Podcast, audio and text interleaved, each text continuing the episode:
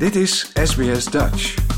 Op sbs.com.au slash Dutch staan nog meer interessante verhalen. SBS, a world of difference. You're with SBS Dutch on mobile, online and on radio. Dit is SBS Dutch op mobiel, online en op radio.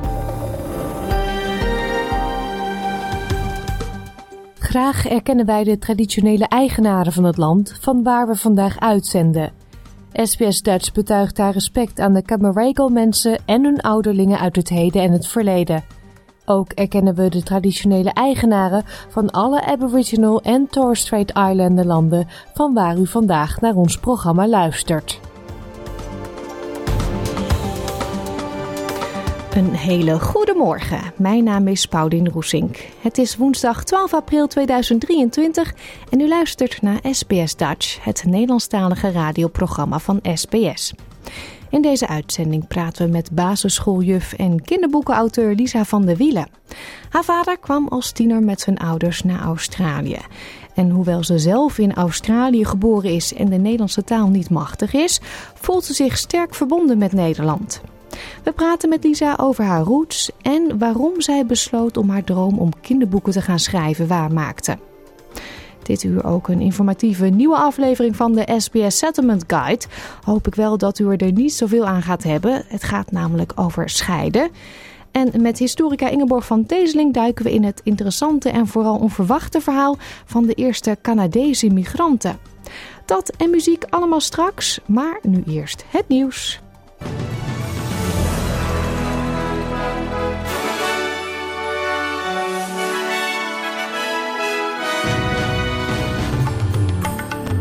Dit zijn de headlines van het SBS Dutch News Bulletin van woensdag 12 april. De Liberals moeten Voice to standpunt verdedigen na opstappen Julian Leeser. Australië lijkt een recessie te vermijden en Matilda's behalen knappe 2-0 overwinning op Europees kampioen Engeland.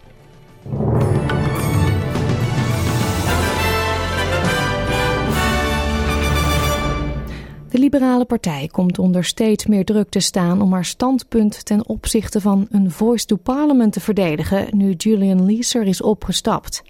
Hij is niet langer de woordvoerder van Indigenous Affairs en neemt plaats op de backbench. Leeser is voor de door de federale regering voorgestelde Voice to Parliament, terwijl de Liberale Partij vorige week officieel bekend maakte tegen het idee te zijn. De plaatsvervangend leider van de Liberalen, Susan Lee, probeert de schade door leasers opstappen tot een minimum te, te beperken. Door te zeggen dat ze hem nog steeds ziet als een minister in een toekomstig federaal-liberale regering. Tegen Seven Network vertelde ze dat het officiële standpunt van de partij de mening van de meerderheid van haar parlementariërs weerspiegelt en dat Leeser wat dat betreft een buitenbeentje is. Julian is in a unique position because of his long history with The Voice, but as deputy leader and someone who knows my colleagues well, the overwhelming view of our party room is the one that is being put forward right now by Peter Dutton and me. And that's important because we know that to get the best outcomes for Indigenous Australians, we do not want the divisive model that Anthony Albanese has put forward. De uitvoerende vice-minister van Buitenlandse Zaken van China voert vandaag gesprekken met hoge functionarissen van het ministerie van Buitenlandse Zaken in Canberra. Er is een doorbraak bereikt met betrekking tot de Chinese beperkingen op de export van Australisch gerst. De Chinese regering voert de komende drie tot vier maanden een herziening uit van de relevante belastingtarieven, terwijl Australië de sancties van de Wereldhandelorganisatie tegen China pauzeert. U hoort federaal minister Bill Shorten tegen Nine Network. The reality is that we're taking our action uh, under world trade rules. Uh, the Chinese have said hold on for three months. Uh, we've said we'll hold on for three months to give this other process time. At the end of the day, what we want is a result. Uh, I think that if Australia hadn't taken a strong position, maybe we wouldn't be in this position where the Chinese are saying they're going to reconsider uh, and review all the facts of the matter. De federale minister van Financiën, Jim Chalmers, zegt dat Australië waarschuwt dat Australië niet immuun is voor de wereldwijde economische malaise, maar op schema ligt om een recessie te voorkomen. Chalmers reist vandaag naar de Verenigde Staten voor enkele internationale economische bijeenkomsten, waarbij de Wereldbank en het Internationaal Monetair Fonds betrokken zijn. Het Internationaal Monetair Fonds, het IMF, voorspelt dat het bruto binnenlands product van Australië enigszins zal stagneren met een groei van slechts 1,6% dit jaar. Minister Chalmers zei tegen de ABC dat Australië een betere uitgangspositie heeft dan de meeste andere landen vanwege de lage werkloosheid en de goede prijzen die worden betaald voor de Australische export. Maar de hoofdeconoom van het IMF zegt dat mensen zoals minister Chalmers voor een uitdaging staan. We are entering a tricky phase during which economic growth remains low by historical standards, financial risks have increased, yet inflation has not decisively, decisively turned the corner. Policymakers will need a steady hand and clear communication. Het Australia Institute zegt dat regeringen van deelstaten en territoria ambitieuzere doelen moeten stellen voor emissievrij openbaar vervoer. Uit een rapport van de groep blijkt dat er in heel Australië bijna 100.000 bussen zijn geregistreerd, waarvan er slechts 200 elektrisch zijn. De meeste bussen in Australië zijn eigendom van de overheid. Het Australia Institute zegt dat meer elektrische bussen niet alleen op de lange termijn geld zouden besparen, maar bijvoorbeeld ook luchtvervuiling en lawaai zouden verminderen. Ze vindt dat Australische regeringen buitenlandse voorbeelden zouden moeten volgen, zoals bijvoorbeeld die van de Chinese stad Shenzhen, die 16.000 bussen heeft, allemaal elektrisch. De Verenigde Naties heeft al haar medewerkers in Afghanistan gevraagd om de rest van de maand niet te komen werken. Oproep volgt nadat de VN vorige week van de Taliban-regering van Afghanistan te horen heeft gekregen dat vrouwelijk personeel niet in het land mag werken. Sinds de Taliban in 2021 opnieuw aan de macht kwamen, hebben ze de toegang van vrouwen tot werk, het openbare leven en onderwijs beperkt. VN-woordvoerder Stefan Djurwitz zegt dat de VN klem zit. Ze probeert het Afghaanse volk te helpen, maar moet zich houden aan de wetten die gelden in Afghanistan. This is putting us in, in a horrendous situation and, and putting, frankly, the Afghan people in a horrendous situation because we have principles that we have to abide to, humanitarian principles on non discrimination. Um, we also have to abide by the, the, the, de facto authorities themselves, also have to abide by the charter in terms of letting us uh, do our work. De Russische president Vladimir Poetin prijst de veerkracht van de economie van zijn land, ondanks de sancties die werden opgelegd als gevolg van de invasie van Oekraïne. Poetin zegt dat de Russische economie opwaarts gaat als gevolg van de stijgende olieprijzen wereldwijd. нефтегазовые поступления увеличились примерно на 14% или на 1,4 триллиона рублей. Non oil and gas revenues increased by about 14% or 1.4 trillion rubles, while oil and gas revenues decreased slightly by about 1.3 trillion rubles primarily due to a high base and the specifics of the pricing environments in global markets last year. The situation is expected to change by the end of the second quarter amid rising oil prices and additional oil and gas revenues will start flowing into the budget. At the same time, I would like to point out the external risks for our economy have not gone away, and we are well aware of that.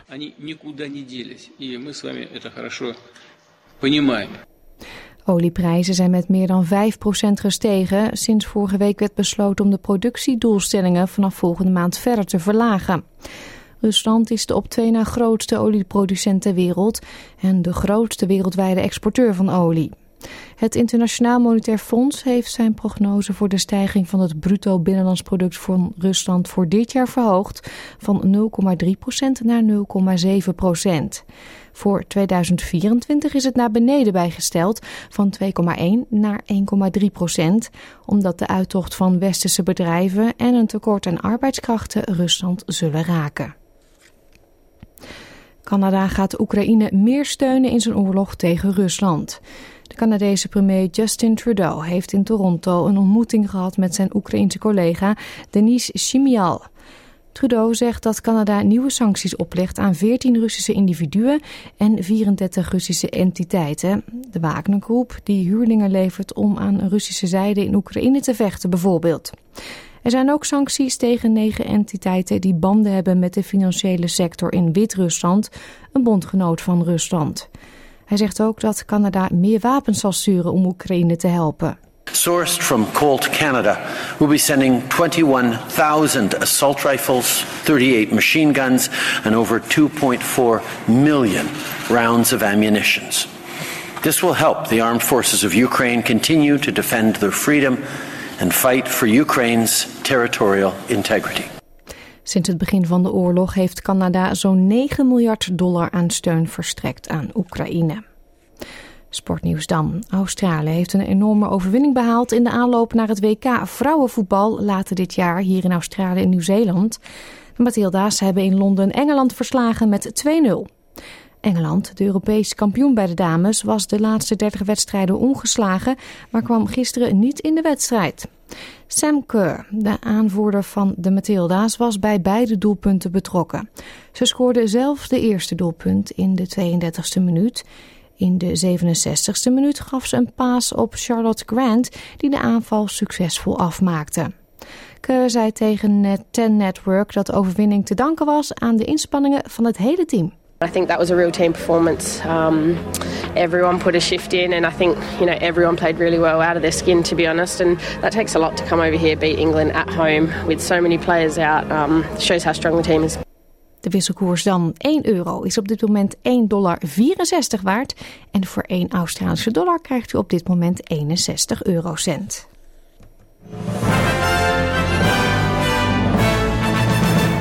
Kijken we ook nog even naar de weersverwachting voor vandaag. In Perth kunnen één of twee buitjes vallen en wordt het 24 graden. Adelaide, ook daar kans op een paar buien, 21. Er staat een stevige wind in Melbourne, 19. In Hobart ontstaan buien, ook daar 19 graden. Canberra buien, 16. In Wollongong nemen de buien toe, 22. Ook in Sydney moet men rekening houden met buien, 24 graden daar. In Newcastle kan later op de dag een bui vallen, 25. Het is zonnig in Brisbane, 29. Cairns gedeeltelijk bewolkt, 32. Darwin buien, mogelijk met onweer, ook 32 graden daar. En in Alice Springs is het overwegend zonnig en wordt het vandaag 35 graden. Dit was het SBS Dutch Nieuws.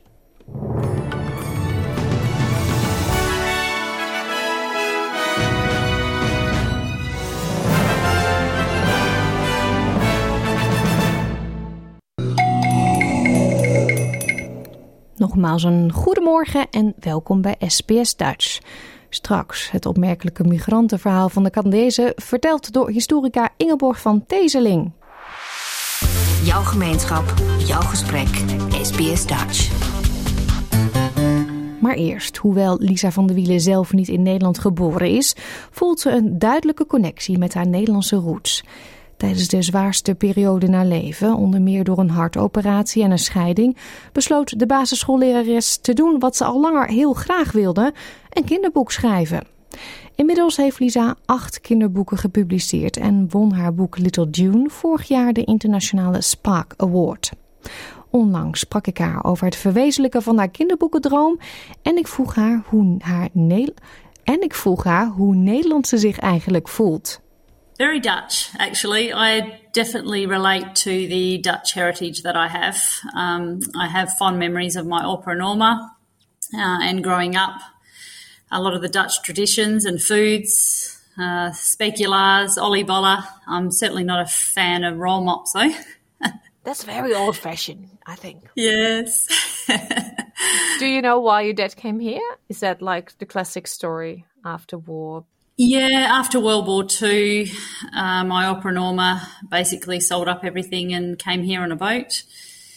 And they actually came to an area called Northam in Western Australia, which is really in the middle of nowhere. Um, and then, uh, yeah, set up home here in WA. Oh, yeah. So dad was born in the Netherlands. Yes. But he came here with his parents. Yes. Yeah. Yeah, it was not his decision. It was no, that's right.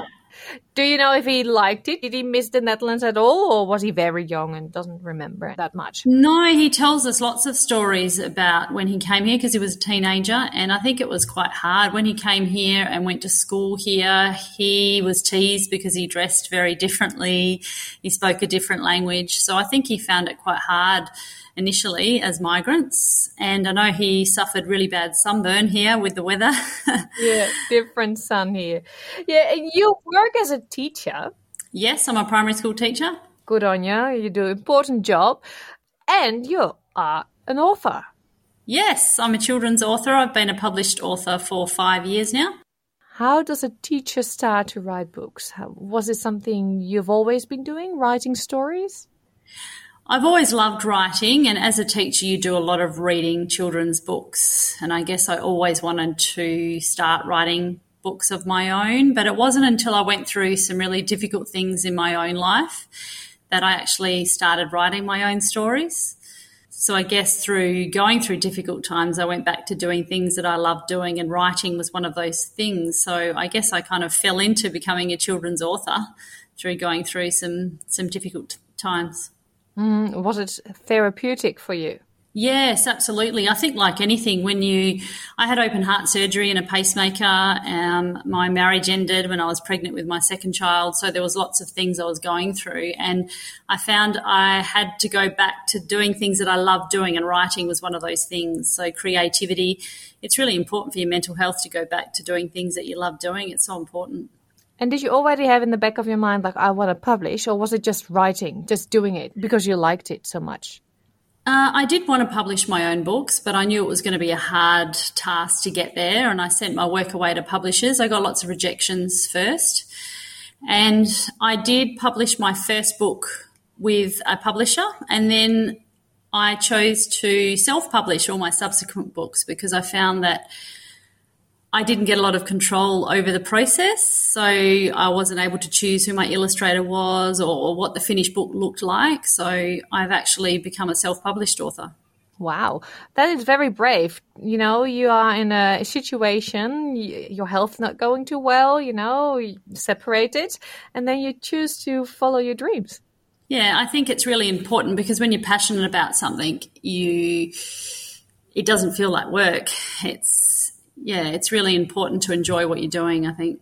Mm-hmm. So, can you tell me something about your stories, your books? Yes, well, all my books have dog characters in them. So I love writing about dogs because my Orma and Orpa always had dogs. We always had dogs growing up. And I just think they're a great animal to write about. Children relate to them well. And I think they have lots of characteristics that we as humans can aspire to. Mm. And is it one dog who goes on an adventure or? Um, obviously, different different stories. Uh, I've got a Luna Lucy series, which is actually astronomy. So it's based on the first book is about the moon and the phases of the moon, and the second book is about the planets. And I'm actually currently writing the third book, which is about the stars. But it's about a little girl, Lucy, who has a dog called Neptune, a little dachshund. So all of my stories tend to have a dog character in them. Hmm.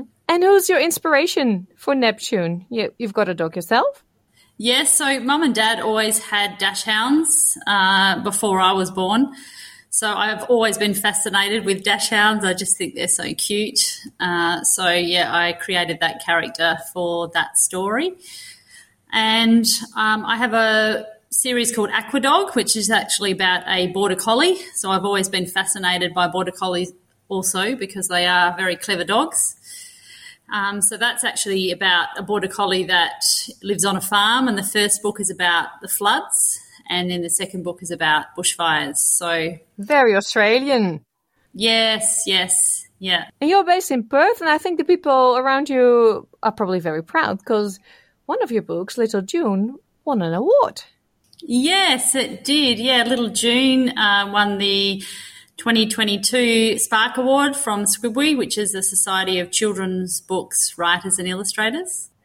Uh, so it's thousand uh, dollars was first prize, along with uh, some promotion and also some stickers for my books. Mm. This is a US based prize, isn't it?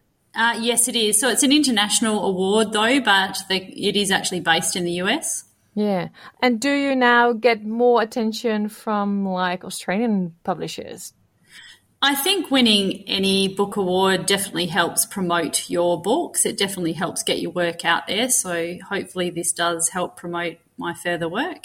Yeah, because as I already said that, very brave to decide to, to follow your dream and start to write books. but then also publish them yourself. Yeah. How is that? Uh, yeah, it's been a learning process, I think, compared to the first book that I self published to where I am now. So uh, soon I'll have eight books published. I've learnt a lot along the process. It's been a big learning curve. Um, there's so much to learn in the publishing industry, and it's constantly changing as well. And I think COVID has uh, changed things also, and it's very digital now. We have audio books and we've got ebooks, so there's lots to learn. Yeah, do you read your own books for the audiobooks? Yeah, I have. Yes. So my Little Lucy series and my first Aquadog book I have read. So there are audiobooks out there. I just haven't recorded the others yet. Mm-hmm. And did you test your books um, with your children? I do, yes. I always read my stories to students and see what they think and get their feedback. Yeah. And what do they say? Uh, always positive. They're always excited to have a teacher that's actually an author. So it's nice to have their support. You're probably very popular during book week. yes. Yeah, always booked out for book week. yeah. And your own children? Yes. Although it's it's different with your own kids. It's a bit embarrassing sometimes, isn't it? for them. Do they sometimes recognize something, like a situation or something? Or? Yeah, and if my books are in their school library and often their friends will say, Oh, isn't that your mum's book? They're not impressed. No. well, writing a book especially for children, I think that's so cool. Um, do you have any tips for people who think like, oh, I would like to do that too? Where to start? Yeah, it's it's a hard one to know where to start, but I guess the first step is to write the story, and then there's lots of resources out there now with the internet to find out where to send it to and which publishers are accepting unsolicited manuscripts. Otherwise, you can choose to self-publish yourself. Mm, yeah, is that an easy thing to do? Probably costly, but um, no, it's not. It's not costly, but it's it's actually quite easy if you know the process. So it's basically just uploading your work to KDP and Ingram Spark, which then allows your work to go onto Amazon and up to libraries. But I think the hard part is actually marketing your books. Yeah, you need to know how to sell your stuff, where to sell it. Yeah, and especially with social media. So I guess when you self publish, you're in charge of everything, uh, distributing the books, the marketing process, everything. So it's there's lots to do. Mm. Are you already writing a new story? Yeah, so I have a book called Echo, which is actually for Heart Kids Australia. That's going to be released very soon in May. And I'm really excited about that because that's something that I am very passionate about. All the proceeds are going directly to the charity. Mm. And that's something that I've been through personally. I was born with a congenital heart defect, and both my daughters have been born with the same. So I'm very passionate about supporting this charity and getting this book out to the world.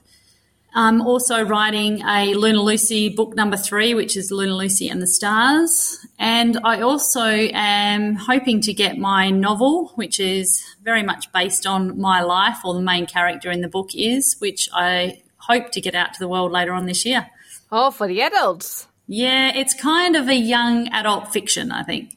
Oh, exciting, exciting. You're so busy. How can you even teach children? Yeah, it's hard to juggle family, home life, and, and find time for writing, but we manage. Thank you so much. You're such an inspiration, like following your dreams and just go with the flow. Thank you. Ah, oh, thank you. Thanks for having me. Meer informatie over Lisa van der Wielen en haar kinderboeken vindt u op onze website www.sps.com.au/dutch. Historica Ingeborg van Tezeling bespreekt maandelijks bij SBS Dutch een onderwerp uit de Australische geschiedenis. Van de haat en nijd tussen de twee grootste steden van het land, Melbourne en Sydney, en de controverse omtrent Australia Day, tot de herkomst van single-sex scholen en het ontstaan van de Royal Flying Doctors. Dit keer bespreekt ze het verhaal van een van de vele migrantengroepen die in de afgelopen jaren naar Australië zijn gekomen, de Canadezen die na een opstand tegen hun Britse bezetter als politiek gevangenen naar Australië verscheept werden. SBS Dutch op radio, online en op je mobiele telefoon. Ingeborg, je hebt ons de afgelopen maanden al vaak iets verteld over migratie. Vorige maand nog over de Britten, het verhaal van de Britten. Vandaag wil je het hebben over Canada. Waarom is dat? Nou omdat het eigenlijk een heel interessant en ook vooral heel onverwacht verhaal is. De, de eerste Canadezen ze zijn hier namelijk niet gekomen als migranten, maar als gevangenen. En ook nog in een periode dat het hele systeem van transportatie eigenlijk al was afgelopen. Dat is echt een krankzinnig verhaal. Hier gaat het over. In 1837 en 1838 was er een opstand in Canada tegen de Britse kolonisatoren. Dat was natuurlijk niks nieuws. Uh, rebellie was aan de orde van de dag in Amerika, Frankrijk, Ierland, Zuid-Amerika. Heel veel mensen hadden er echt genoeg van om onderdrukt te worden. En sinds de Franse en de Amerikaanse revoluties was het idee van macht aan gewone mensen wijd verspreid geworden. Meestal liep het dan uit de hand als er een calamiteit was, bijvoorbeeld een mislukte oogst. Want dan waren mensen niet alleen boos, maar dan hadden ze ook nog eens niks te eten. Eén regel is dat in onze wereldgeschiedenis. Als mensen niks te verliezen hebben, zijn ze heel gevaarlijk. En zo was dat dus in Canada ook. Vooral de Frans-Canadezen, die ook nog eens als tweede rangs burgers werden behandeld, hadden er in 1837 echt genoeg van. Ze kwamen in opstand, geholpen door Amerikanen natuurlijk, die best de grens wilden oversteken voor een lekker gevecht tegen de Britten. Maar na een paar veldslagen moesten ze het afleggen tegen het Britse leger. 800 mensen werden gearresteerd. 12 werden opgehangen en 150 werden getransporteerd naar Tasmanië, wat toen nog Van Diemen's land heette, en New South Wales. Nou, dat is uh, kiele kiele geweest dan. En als ik me het goed herinner, nou doe ik heel wijs, maar dat heb ik opgezocht, werd het systeem van transportatie afgeschaft zo rond 1840. Dat klopt, hè? Ja, zeker. In, in New South Wales dat was dat 1840, in Tasmanië iets later, in 1853.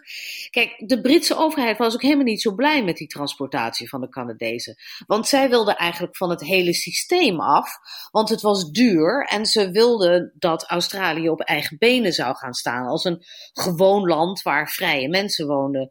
Maar ze moesten iets met die Canadezen en omdat het politieke gevangenen waren, konden ze ze niet in Canada laten. Dan moet je ze opsluiten in de gevangenis, die dan het mikpunt wordt van eh, demonstraties en zo. Dat is allemaal niet handig. Dus ver weg was veel beter. Op het moment van de opstand was de gouverneur van Upper Canada een man die George Arthur heette. En dat kwam goed uit, want Arthur was vlak daarvoor de gouverneur van Tasmanië geweest. Dus hij kende Australië goed. En dus nam hij een soort initiatief, zelfs voordat het Colonial Office in Londen dat had goedgekeurd. In 1838 zette hij 150 patriotten, zoals ze zichzelf noemden, op een schip naar de andere kant van de wereld. Of eigenlijk waren het vier schepen. En de mannen aan boord waren natuurlijk verre van blij. Want als extra straf waren hun huizen ook in brand gestoken. En de 58 Frans-Canadezen aan boord hadden samen 214 kinderen. En die bleven dus nu achter zonder een kostwinner. Dat is ook niet zo handig. Maar goed, in 1838 kwam het eerste schip, de Moffat, aan in Tasmanië. En daarna zouden er dus nog drie volgen. De meeste mannen aan boord waren Brits-Canadezen en Amerikanen. En daar werd de nieuwe gouverneur van Tasmanië, John Franklin, eigenlijk heel ongelukkig van. Want zij spraken Engels en waren revolutionairen. En, moesten er ook rekening mee houden dat de, de Amerikanen hadden natuurlijk met succes hun Britse bazen het land uitgegooid. En dat was een heel slecht voorbeeld voor zijn onderdanen.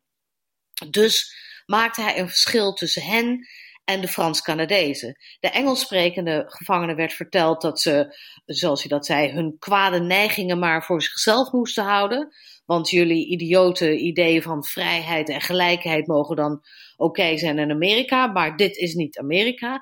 En de Frans-Canadezen, vond Franklin, ja, kijk, dat waren natuurlijk arme sloebers die hier waren omdat ze op verkeerde gedachten waren gebracht door de Amerikanen. Nou, en daarmee was de toon gezet, lijkt mij. Wat gebeurde er toen? Nou ja, het eerste dat Franklin deed was natuurlijk een brief schrijven naar Londen om te vragen wat hij eigenlijk met die gevangenen moest. Want ze waren hier naartoe gestuurd voor een levenslange straf, maar eigenlijk had levenslang in Australië nooit echt levenslang betekend. Dus hoe lang moest hij ze hier houden en wat moest hij intussen met ze doen? Kijk, jarenlang had Tasmanië gevangenen toegewezen aan bedrijven of mensen waar ze dan voor moesten werken. Maar dat systeem was afgeschaft omdat transportatie op het punt stond om afgeschaft te worden. Dus het enige dat hij kon doen was ze publiek werk laten doen. En dat deed hij. Een paar dagen nadat ze waren aangekomen, werden de Brits-Canadezen en de Amerikanen in de ijzers geslagen en te werk gesteld bij de dienst die wegen moest aanleggen. En daarna stuurde hij de Frans-Canadezen naar Sydney. En daar kwamen ze aan in februari 1840. En dat was heel onhandig, want de gouverneur, George Gibbs, wist er niks van. Want de brief van Londen was nog niet aangekomen en had van Franklin ook niks gehoord. En Gibbs had een geschiedenis met Canada. Want in 1835 had hij een Royal Commission voorgezeten, die zich had gebogen over de problemen van de Frans-Canadezen. Eh, maar hij had niks ten goede veranderd. En die opstand was eigenlijk daarvan het gevolg. Dus eigenlijk wilde Gibbs gelijk van die gevangenen af. En dat probeerde hij ook. Hij gaf de kapitein van het schip de opdracht om ze naar Norfolk Island te brengen. Maar die kapitein had daar helemaal geen zin in en weigerde dat. En dat kon hij ook doen, omdat zijn orders direct uit Londen kwamen. En Gibbs was maar een koloniale gouverneur en die had helemaal geen papierwerk uit Londen. Dus een paar weken lang lag dat schip in de haven, terwijl de heren boze brieven naar elkaar schreven. En uiteindelijk won de kapitein en werden de gevangenen in Sydney aan land gezet. Dat zal wel een hoop gedoe opgeleverd hebben, lijkt mij. Nou ja, nogal. Kijk, elk blaadje en elke krant schreef erover. En in de cafés en op straat in Sydney was het het gesprek van de dag. Want de angst was vooral dat de Canadezen zich zouden aansluiten bij de Ieren, die altijd al rusteloos waren. De, de Sydney Herald schreef bijvoorbeeld: Het zou fijner zijn geweest als ze dit soort revolutionairen naar Londen hadden gestuurd. En de Sydney Gazette vond dat ze onmiddellijk naar Norfolk Island moesten, zodat ze hier geen kwaad konden uithalen. Daar stonden trouwens wel andere kranten tegenover die ervan overtuigd waren dat de Canadezen slachtoffers waren. De Australian bijvoorbeeld vond dat ze als politieke gevangenen een speciale behandeling hadden verdiend. En de katholieke Australasian Chronicle maakte zich druk over de straf die de krant absoluut belachelijk vond. En dat was natuurlijk vooral omdat de meeste mannen katholieken waren die zich hadden verzet tegen een protestantse macht. De mannen zelf waren natuurlijk ook niet blij. Dat waren trotse patriotten en elk woord over hen voelde als een vernedering. En dat weten we omdat zeven van hen een dagboek bijhielden of later een boek schreven. En die zijn heel interessant. Die zitten overal in de archieven. Daar moet je eens een keertje naar kijken. Het is echt heel leuk. Omdat ze iets zeggen over hen natuurlijk, maar ook omdat ze iets zeggen over het Australië van die tijd, door de ogen van een boze buitenstaander. En in het geval van de Frans-Canadezen is dat extra fascinerend omdat geen van hen Engels sprak. Of in ieder geval, ze kwamen meestal niet verder dan een paar woorden. En zoals dat vaak gaat, dachten ze dus al snel dat er over hen geroddeld werd. Nou, dat kan ik me eigenlijk wel voorstellen. Waar in New South Wales werden ze eigenlijk ondergebracht? Nou ja, in een, naar een plek die wij nu Canada Bay noemen. En voor die reden ook, dichtbij Sydney. Er was een boerderij die door de overheid werd gerund, de Long Bottom Stockade. In het begin van de kolonie werd daar houtskool gemaakt. Later werd het een soort overnachtingsplek voor gevangenen die van Sydney naar Parramatta werden gebracht. Maar toen de Canadezen daar aankwamen, had het al een tijdje leeg gestaan. Het was hartstikke vies. En de hutten en de keuken waren in elkaar gezakt. Er was niet genoeg te eten. Het was of heel koud of heel warm. En er werd een sergeant aangesteld die onmiddellijk dreigde met zweepslagen voor de allerkleinste vergrijpen. En dat vonden die gevangenen nogal eng natuurlijk. En daar hadden ze ook wel gelijk in. Want in 1837, dus maar drie jaar daarvoor, werden er in New South Wales bijna 270.000 zweepslagen uitgedeeld aan 32.000 gevangenen. Dus de kans dat je geslagen werd en ook stevig geslagen, dat was tamelijk groot. Vanaf dag 1 werden de gevangenen aan het werk gezet. Ze moesten Parramatta Road herstellen, stenen en houtskool maken en bomen omhakken. En het regime was zo slecht dat zes maanden nadat ze waren aangekomen, de eerste man al overleed aan ondervoeding. Dus al snel zorgden ze dat ze zelf aan eten kwamen. Oesters van het strand en een beetje fruit en hier en daar wat sla die ze zelf verbouwd hadden. En de man die hen moest uh, bewaken, Henry Clinton Baddeley, stond ook toe dat ze een soort, ja, uh, ik noem het maar, side hustle opzetten. Het verzamelen van schelpen op het strand. Want die konden ze dan aan het hek aan mensen verkopen. Want van schelpen werd kalk gemaakt die gebruikt werd in de bouw. Nou, dat klinkt nou niet heel erg uh, gezellig in die tijd. Hoe lang duurde dat zo met die Canadezen daar in Canada bij? Nou ja, na negen maanden stelden die, uh, de patriotten hun eerste petitie op, waarin ze vroegen op hun om hun vrijlating. Ze stuurden er één naar de gouverneur natuurlijk, één naar de koningin en één naar Londen, waar het Colonial Office trouwens nog steeds de brief van John Franklin niet had beantwoord.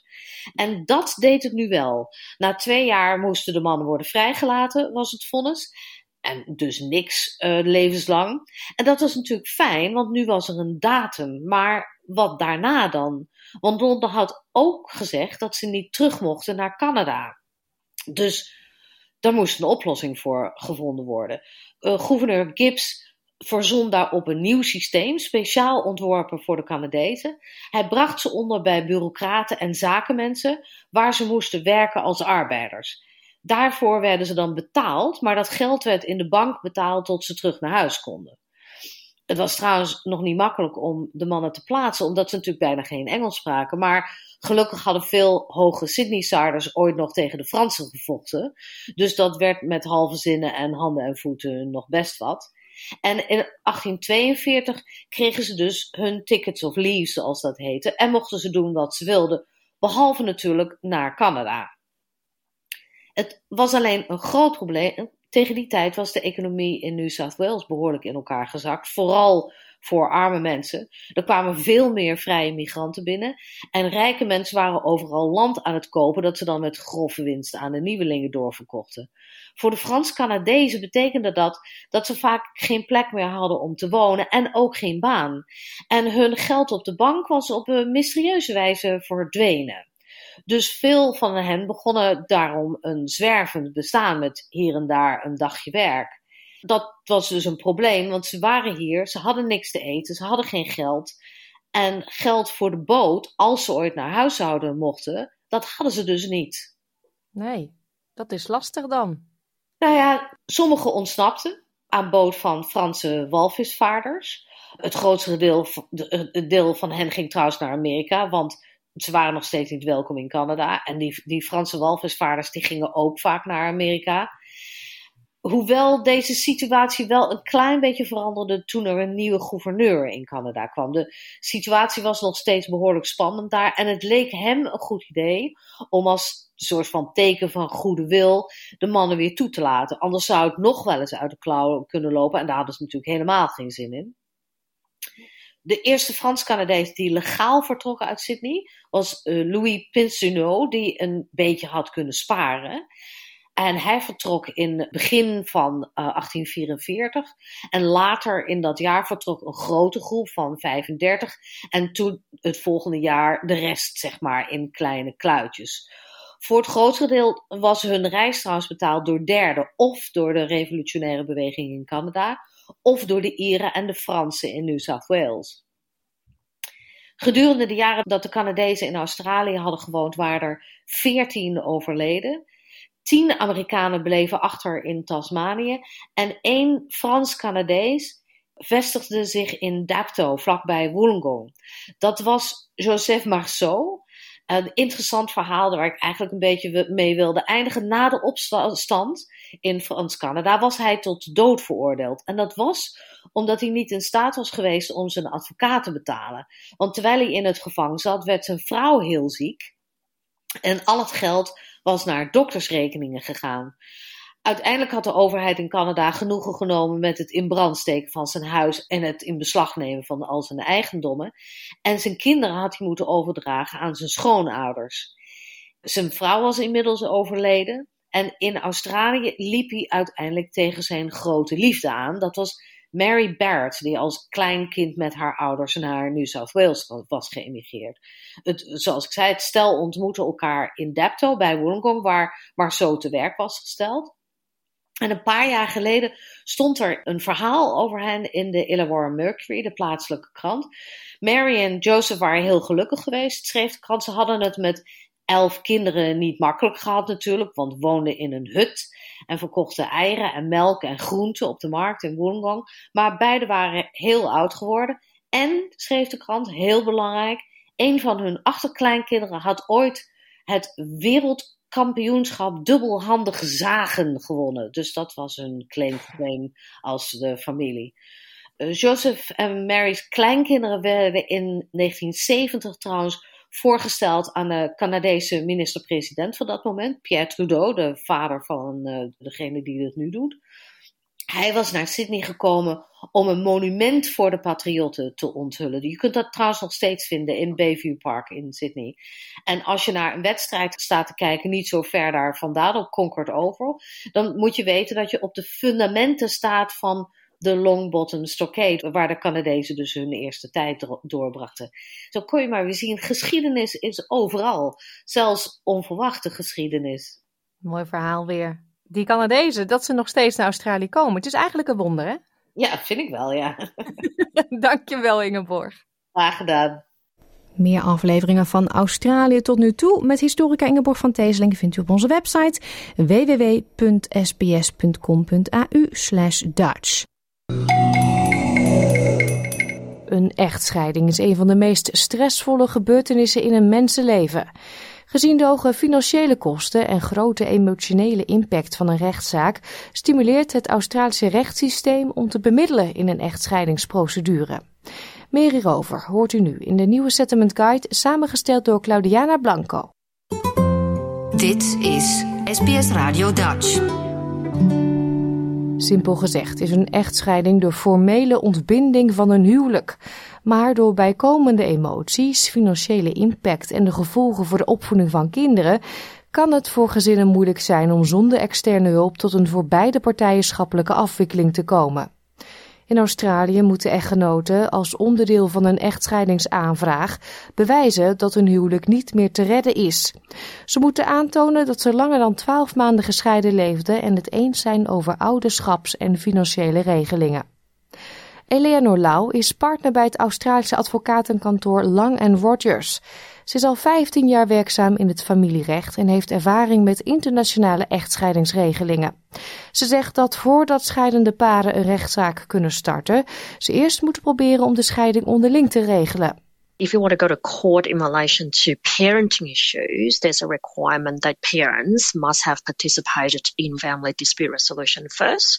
It's a form of mediation where they are assisted by a family dispute resolution practitioner to see whether or not they could reach an agreement in relation to the children's ongoing arrangements. With financial matters, we do encourage parties to attempt alternate dispute resolution first, and the courts nowadays want to see that parties have at least tried to negotiate before they litigate. Een gang naar de rechter kan tienduizenden dollars kosten en procedures kunnen maanden duren. Valerie Norton is al 12 jaar een geaccrediteerde Family Dispute Resolution Practitioner, of FDRP. Ze zegt dat uit cijfers blijkt dat ongeveer 90% van de scheidende partners hun geschillen onderling oplost, zonder inmenging van de rechtbank. Voordat mevrouw Norton aan een bemiddelingspoging begint, evalueert ze de kans op succes. I meet with each person individually first. So I'm assessing if mediation is suitable. If there's a lot of upset there, is there a betrayal? Is there a lot of anger? Is there mental health issues, drug, alcohol, or domestic violence? And so those safety checks are extremely important to do. Then if I decide that, okay, I can see some commonality here, it's possible that they'll agree without having to go to court. Then we all come together for a joint session to discuss each topic one by one. Tijdens bemiddelingssessies helpt Valerie Norton cliënten en hun advocaten bij het onderhandelen over schikkingen. Ze probeert emoties buiten de deur te houden en richt zich op praktische resultaten die de partijen en hun eventuele kinderen ten goede zullen komen. Mediation is about finding that place where it's okay, it's not perfect, and there is going to have to be compromise on both sides, but it's bearable. They can both live with it. And that's a good mediation when they're both walking away, not with joy in their step or looking completely hung dog. It's them walking away going, okay, that was a fair outcome. Australië kent een scheiding buiten schuld. Dit betekent dat de ene partner een echtscheiding kan aanvragen zonder toestemming van de andere, zonder daarbij ook een reden op te moeten geven waarom het huwelijk beëindigd moet worden. In tegenstelling tot wat vaak wordt gedacht, worden bezittingen niet noodzakelijkerwijs gelijk verdeeld. Advocaat Eleanor Lau zegt dat partijen hierover juridisch advies moeten inwinnen. in a property settlement, the first step is we need to work out what's there to divide.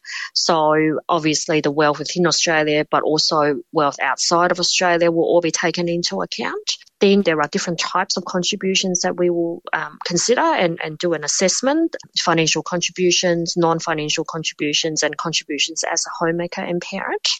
Volgens Valerie Norton kan het bepalen van hoe elke echtgenoot heeft bijgedragen aan een relatie een complexe formuleachtige berekening worden. One of you brought a million dollars into the relationship or the other one brought in debt, that's a consideration when you're separating. The second thing is your contributions during the relationship, and that's both financial and non financial. And that's not how much money you earned at work, because being a stay at home parent is considered equal to being a CEO who's on a million dollars a year. It's more about did your parents give you money to buy a house, or did you live with them for years to save up for a house? Did you inherit? Those sort of things. De derde overweging bij een eigendomsregeling houdt rekening met de toekomstige behoeften van beide partijen. Deze analyse kijkt onder andere naar de leeftijd, het verdienpotentieel en de algehele gezondheid van iedere echtgenoot om te bepalen in welke percentage de activa zal worden verdeeld. What that means is that are there any reasons in this case that should entitle a party to receive a little bit more because that person may have greater needs moving forward? So typical scenario is if one party has a primary care of young children and moving forward that party will continue to assume that primary parenting role and therefore it's unable to earn work or re-enter the workforce or earn a much lower income than the other party. Those type of reasons may warrant an adjustment in that party's favor. Partijen kunnen tijdens een bemiddeling bij familiegeschillen een financieel of ouderschapsakkoord bereiken. Advocaten zullen hun cliënten vaak adviseren als onderdeel van dit proces of zelfs deelnemen aan de discussie. Zodra overeenstemming is bereikt, kunnen de resulterende documenten worden ingediend voor legalisatie. Mevrouw Lau zegt dat het enorm belangrijk is om in een scheidingsprocedure je emotie opzij te zetten en zo snel mogelijk juridisch advies in te winnen. Sometimes parties may delay because they are not ready, but I think it's important to know where you stand, what your rights and obligations are, and then you can take some time to think about it in terms of what you want to do. But I think it's very important that you get legal advice as soon as possible, especially if overseas assets are involved. Het ondertekenen van een bindende financiële overeenkomst aan het begin van de relatie of tijdens het verloop ervan kan handig zijn voor degene die stress van een mogelijke toekomstige scheiding willen vermijden. Bindende financiële overeenkomsten kunnen worden gebruikt als eindafrekening. Mensen die niet veel vermogen hebben en geen privéadvocaat of bemiddelaar kunnen betalen, kunnen advies inwinnen bij rechtsbijstand of juridische communitycentra.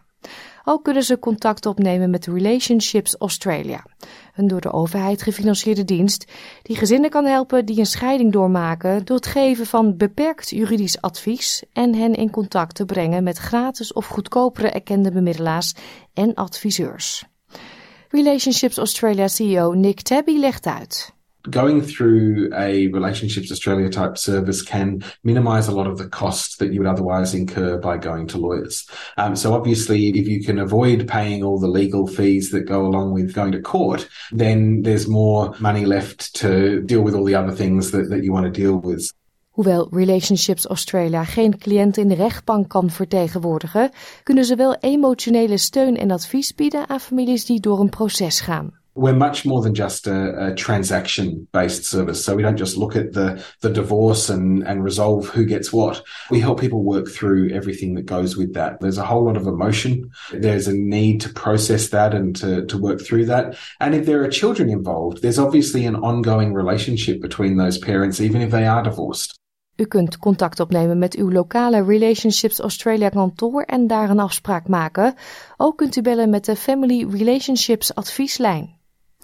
Juridische en geestelijke gezondheidsexperts zeggen dat het het belangrijkste is om bij een scheiding rekening te houden met de toekomstige behoeften en het welzijn van eventuele kinderen. Some relationships aren't meant to last forever. They can be really positive and successful relationships while they last, but people can move on and, and still have really happy and, and successful lives, maybe have new relationships afterwards. By accepting that and removing some of that stigma and shame around what a divorce is, we're actually accepting that it's actually just a normal process, focusing more on what needs to be done from a practical perspective than that emotional blaming process. Voor emotionele support kunt u contact opnemen met Lifeline op 131114 of Beyond Blue op 1300 224636. Het telefoonnummer van Family Relationships Advice is 1800 050 321. En gingen die telefoonnummers u nu te snel? Ze staan ook op onze website www.sbs.com.au Dutch.